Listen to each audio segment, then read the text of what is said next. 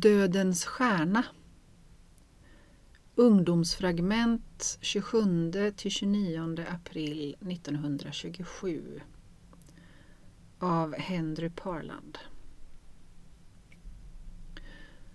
Detta hände i en avlägsen framtid.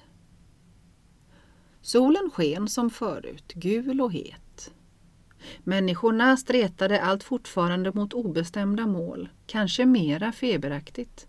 De sökte och fann vad de sökt, men deras sinnen blev därigenom inte tillfredsställda. De rusade vidare, var och en upptagen av sitt. Blott Bob Ahl, astronomen, skakade på huvudet. Varje natt besteg han sitt flygteleskop och gled upp mot himlen. Och då jorden med dess konstgjorda liv som dimmiga ljusglimtar skymtade upp till honom riktade han kikaren mot öster. I kikaren såg han ingenting särskilt, en blågul, flämtande stjärna. Men Bob Ahl tyckte att det var hans stjärna.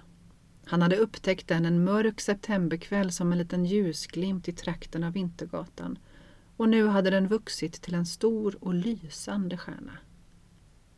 Den närmade sig tydligen jorden och det var detta som gjorde Bob Ahl fundersam.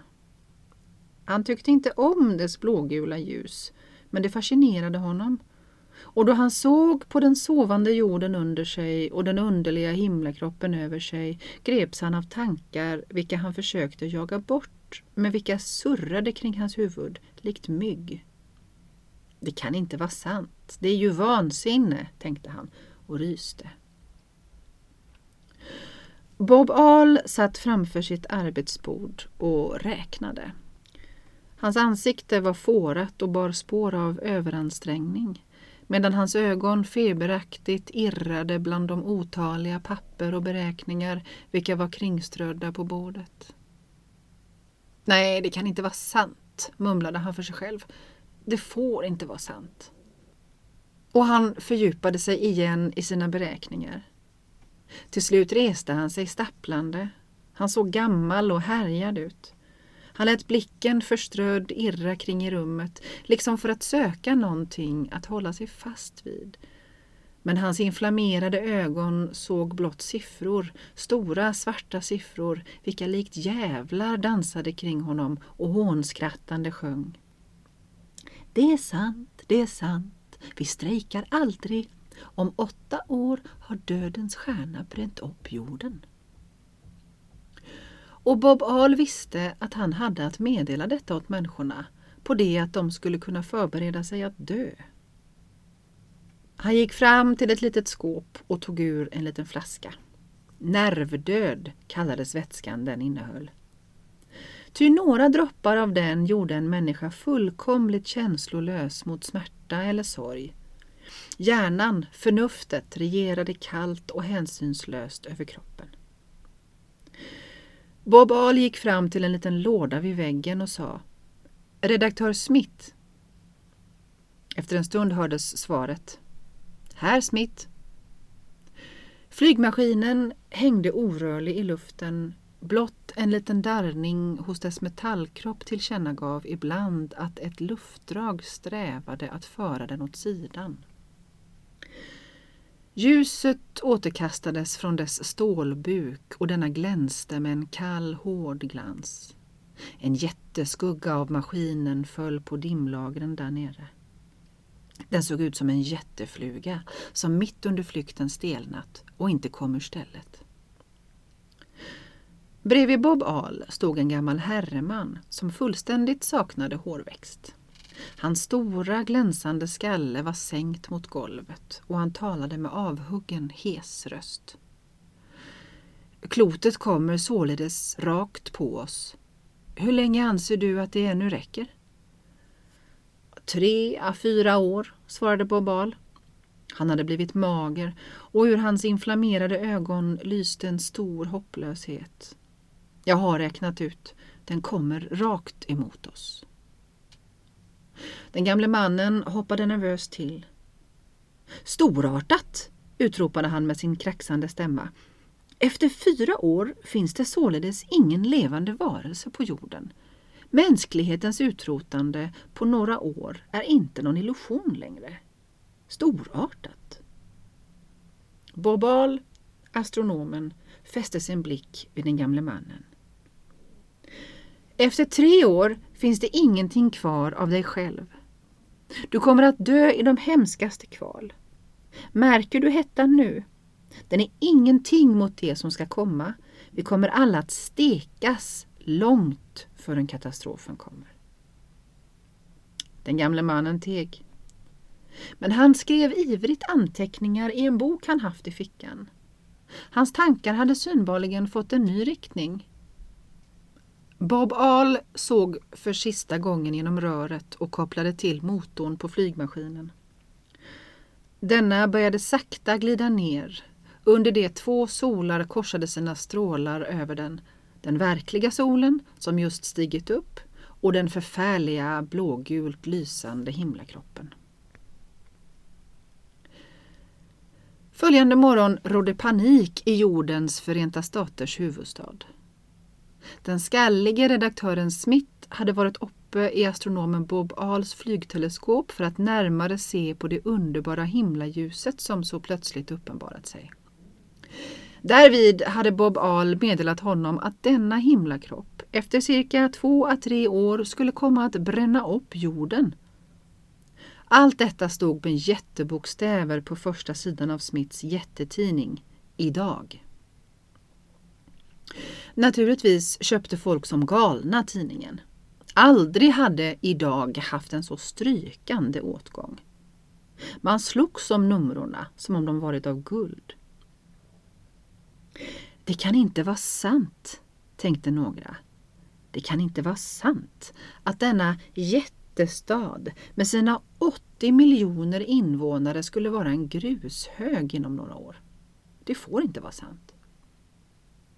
Men så såg de upp till himlen där två solar simmade i det djupa himlavalvet, kände den förfärliga dödande hettan och deras tankar förändrades.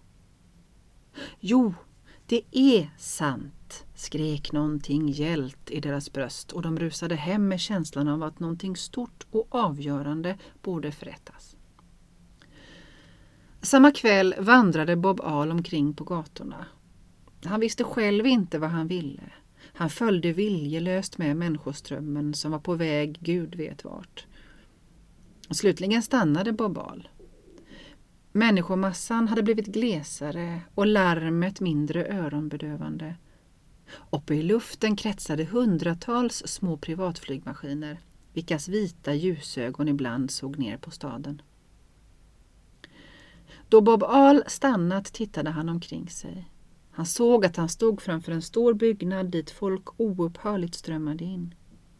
Han beslöt att gå in och se vad det var för märkvärdigt med huset. Han trädde in och märkte att han befann sig i en dansrestaurang. Han ville redan gå bort då det plötsligt föll honom in att han ju inte hade någonting att göra i natt. Flygteleskopen och stjärnorna äcklade honom. Han steg in i restaurangen. Han satte sig ner i en vrå vid ett bord och beställde någonting, han visste själv inte vad. Och han satt där vid sitt bord och hörde den automatiska orkestern utan uppehåll spela stycke efter stycke.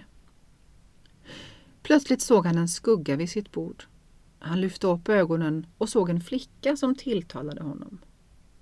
Är ni astronomen Bob Ahl? Jo. Ser ni, herr Ahl, jag heter Mia T. Jag ville så gärna att ni i natt skulle visa mig den underbara himlakropp som ska bränna upp oss alla. Bob Ahl tänkte igen att han inte hade någonting för sig i natt och att teleskopet och stjärnorna äcklade honom. Men detta senare tänkte han fullkomligt mekaniskt som någonting inlärt och obetydligt. Han sa därför enkelt Bra, låt oss gå. Några minuter senare trädde de ut på gatorna där det var ljust och hett som på dagen. Ty uppe i rymden simmade en stor blåglödande sol. De steg upp i maskinen och satte motorn igång. Apparaten höjde sig ljudlöst från marken och började stiga. Bob Ahl betraktade skyggt sin följeslagerska. Hon var snarare liten än stor till växten. Hennes hår var benat på gässan och hon hade på sig den sedvanliga dräkten. Långa benkläder, kort jackett och tygskor. Hatt bar hon inte, men i handen höll hon en liten näpen käpp. Den smärta gestalten tilltalade Bob och utan att veta varför och hur började han intressera sig för henne.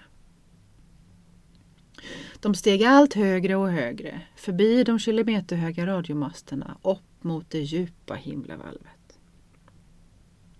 Då de kommit tillräckligt högt ville Bobal stanna maskinen, men flickan hejdade honom.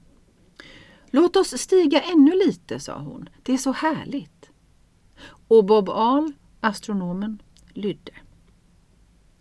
Dödstystnad rådde kring de båda människorna där uppe i luften. De hörde tydligt varandras hjärtan klappa. Bob Ahl undrade vems hjärta som klappade snabbare och han konstaterade med tillfredsställelse att det var hennes. Så ville apparaten inte stiga längre. Den stod stilla. Jorden var någonstans långt nere och andningen blev flämtande. Bob Ahl ville göra i ordning teleskopet men flickan la sin hand hejdande på hans. Det är onödigt. Besvära dig inte för min skull. Och förresten tror jag att det skulle blända mig. Den lyser ju så starkt. Bob Al såg oförstående på henne. Men, började han. Hon kom nära in på honom. Så nära att han kunnat kyssa henne på håret, ty hon var mindre än han. Nej, nej, inte så. Men låt mig komma ner igen, jag mår illa. Bob Al satte motorn igång. Som en liten sten sjönk flygmaskinen neråt. Då de kommit till de högsta antennmastspetsarna vände hon sig mot honom. Tack så mycket, det var härligt. Och hon sträckte båda händerna mot honom. Han grep girigt efter dem och släppte dem inte på en stund och hela dagen tänkte han på hur fina och varma de varit. Då våren kom beredde människorna sig på att dö. De förberedde sig med mera värdighet än vad man kunnat vänta sig. Ingen talade om vad som skulle komma. Livet rullade vidare som vanligt, men man märkte tydligt att slutet förestod. En underbar tystnad rådde över jordens Förenta staters huvudstad. Fabrikerna stod, börsen var tom och flygmaskinerna stod i långa rader och sov. Blott radion arbetade under högtryck. Den anropade de övriga planeterna om hjälp men fick endast otydliga och oförståeliga svar. Nöden var där synbarligen lika stor som på jorden. Hettan var olidlig.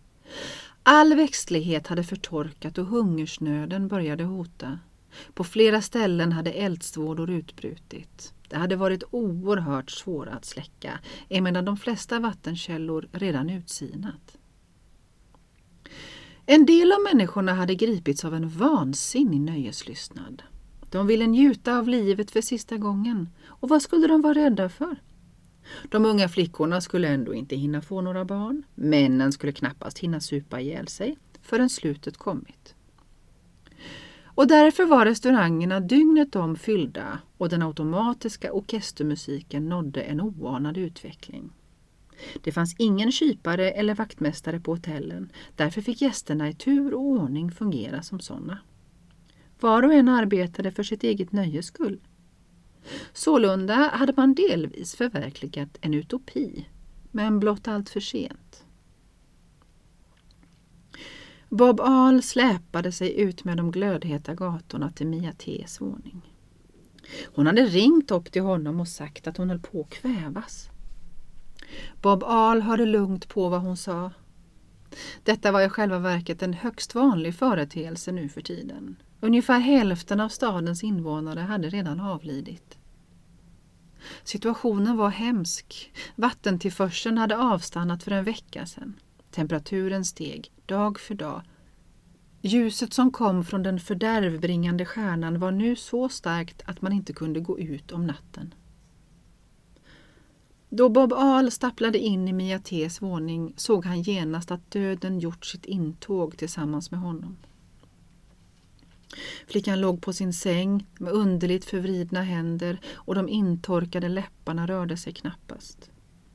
Då Bob Ahl tog hennes hand öppnade hon mödosamt ögonen. Tack, flämtade hon, knappt förnimbart. Därefter låg hon orörlig och Bob Ahl satt och höll hennes hand. Han kände hur pulsen blev allt svagare och svagare tills den slutligen helt och hållet avstannade. Men han var så trött och utmattad att han först då hennes hand blivit kall och tung förstod att Mia T var död. Han steg mödosamt upp, tog ur fickan en liten påse och strödde därur ett vitt pulver över den dödas kropp. Denna började krympa ihop och inom förloppet av en halv timme fanns blott en stofthög kvar av Mia Ts unga kropp. Efter det att Bob Ahl gjort sin väninna denna sista tjänst steg han upp och stapplade ut genom dörren. Han begav sig hemåt. Under vägen var han två gånger nära att falla över lik som låg på gatan. Då tog han ur fickan den lilla påsen och strödde över liken av samma pulver han strött över Mia T. Hemkommen gick han av och an i rummet. Men så fattade han ett beslut. Han gick ut på balkongen där hans flygmaskin stod. Han tog bort teleskopet och synade noga motorn. Därefter fyllde han behållaren med bensin och inväntade kvällen. Jättestor och bländande höjde sig den hemska himlakroppen vid horisonten. Den kastade sina sneda strålar över den döende staden och upplyste den med bjärta blåvita ljus. Då steg Bob Ahl i sin flygmaskin. Han hade en flaska vatten med sig, det sista vatten han ännu ägde. Han såg ut som om han förberett sig för en längre resa. Motorn började ljudlöst surra och flygmaskinen susade dödens stjärna till mötes. Marsinvånarna befann sig i den största upphetsning. De hade räknat ut att dödens stjärna i natt skulle kollidera med jorden. Alltifrån aftonen var alla högre ställen fullsatta med folk, vilka bleka av spänning såg på jorden som lik en blek stjärna simmade vid horisonten. Plötsligt gör ett skrik från allas läppar. Ett starkt, intensivt ljus steg upp bakom horisonten och omstrålade jorden med en hemsk blåvit glans. Så höjde sig ett jättelikt vitglödande klot och man trodde sig se hur det sakta närmade sig jorden. Några timmar räckte denna fasansfulla syn. Så såg man att jorden alltmer började närma sig dödens stjärna. Och med ens flammade en jättelåga över hela den ostliga himlen. Man kunde inte se vad som försiggick, ty ljusskenet var för bländande. Jorden rusade allt närmare och närmare den hemska vitglödande massan. Den rusade iväg allt hastigare och hastigare, besjälad av en enda längtan, att förintas. Och då den slutligen störtade sig i ett hav av eld och ljus, själv eld och ljus, kände den samma glädje som en människa känner som äntligen hittat hem.